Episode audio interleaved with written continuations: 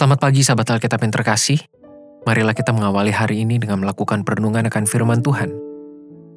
Bacaan Alkitab kita pada hari ini berasal dari kitab kisah para rasul pasal yang keempat, ayat 1 sampai 7. Ketika Petrus dan Yohanes sedang berbicara kepada orang banyak, mereka tiba-tiba didatangi imam-imam dan kepala pengawal bait Allah, serta orang-orang Saduki.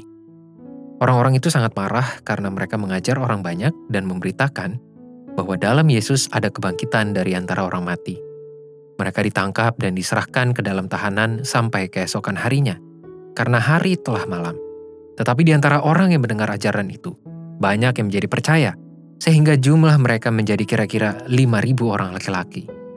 Pada keesokan harinya, pemimpin-pemimpin Yahudi serta tua-tua dan ahli-ahli Taurat mengadakan sidang di Yerusalem. Dengan imam besar Hanas dan Kayafas, Yohanes dan Alexander dan semua orang lain yang termasuk keturunan imam besar. Lalu Petrus dan Yohanes dihadapkan kepada sidang itu dan mulai diperiksa dengan pertanyaan ini. Dengan kuasa manakah atau dalam nama siapakah kamu bertindak demikian itu? Nampaknya hampir dapat dipastikan bahwa kebanyakan manusia diajarkan untuk mengenal kebaikan dan melakukan kebaikan. Namun, mewujudkan konsep tidaklah semudah mempelajari sebatas ide. Diperlukan keberanian, tekad, mentalitas, dan tujuan yang jelas pada diri seseorang jikalau ia ingin mewujudkan kebenaran dalam hidupnya. Kondisi ini juga muncul dalam hidup beriman. Setiap umat Tuhan perlu memahami bahwa iman bukan sekedar ide atau konsep yang cukup dipelajari, melainkan diwujudkan dalam kehidupan nyata. Persoalannya adalah mewujudkan iman dalam kehidupan nyata tidak semudah berkata-kata terdapat banyak situasi hidup maupun kondisi-kondisi tertentu yang membuat konsep iman terasa tidak relevan.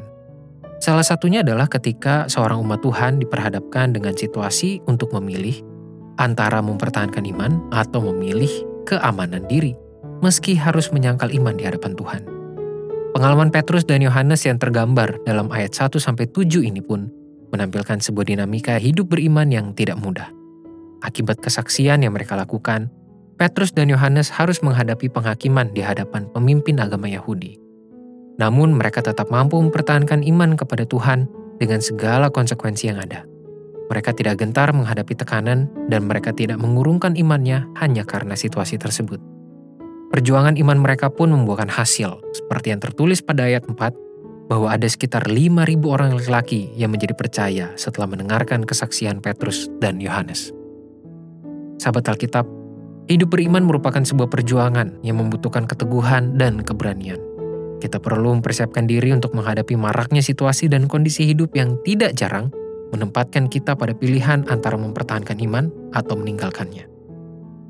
Meski demikian, biarlah kisah Petrus dan Yohanes yang kita renungkan hari ini menjadi bukti bahwa setiap perjuangan iman dari umat Tuhan tidak akan berbuah kesia-siaan. Marilah kita berdoa. Tuhan tolonglah kami untuk tetap teguh mempertahankan dan mewujudkan iman kami. Mampukan kami Tuhan untuk melakukan setiap iman percaya kami, setiap pembelajaran akan firman Tuhan yang kami dapatkan.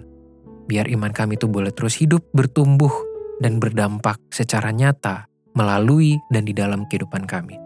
Inilah doa dan permohonan kami, hanya di dalam nama Tuhan Yesus kami berdoa. Amin.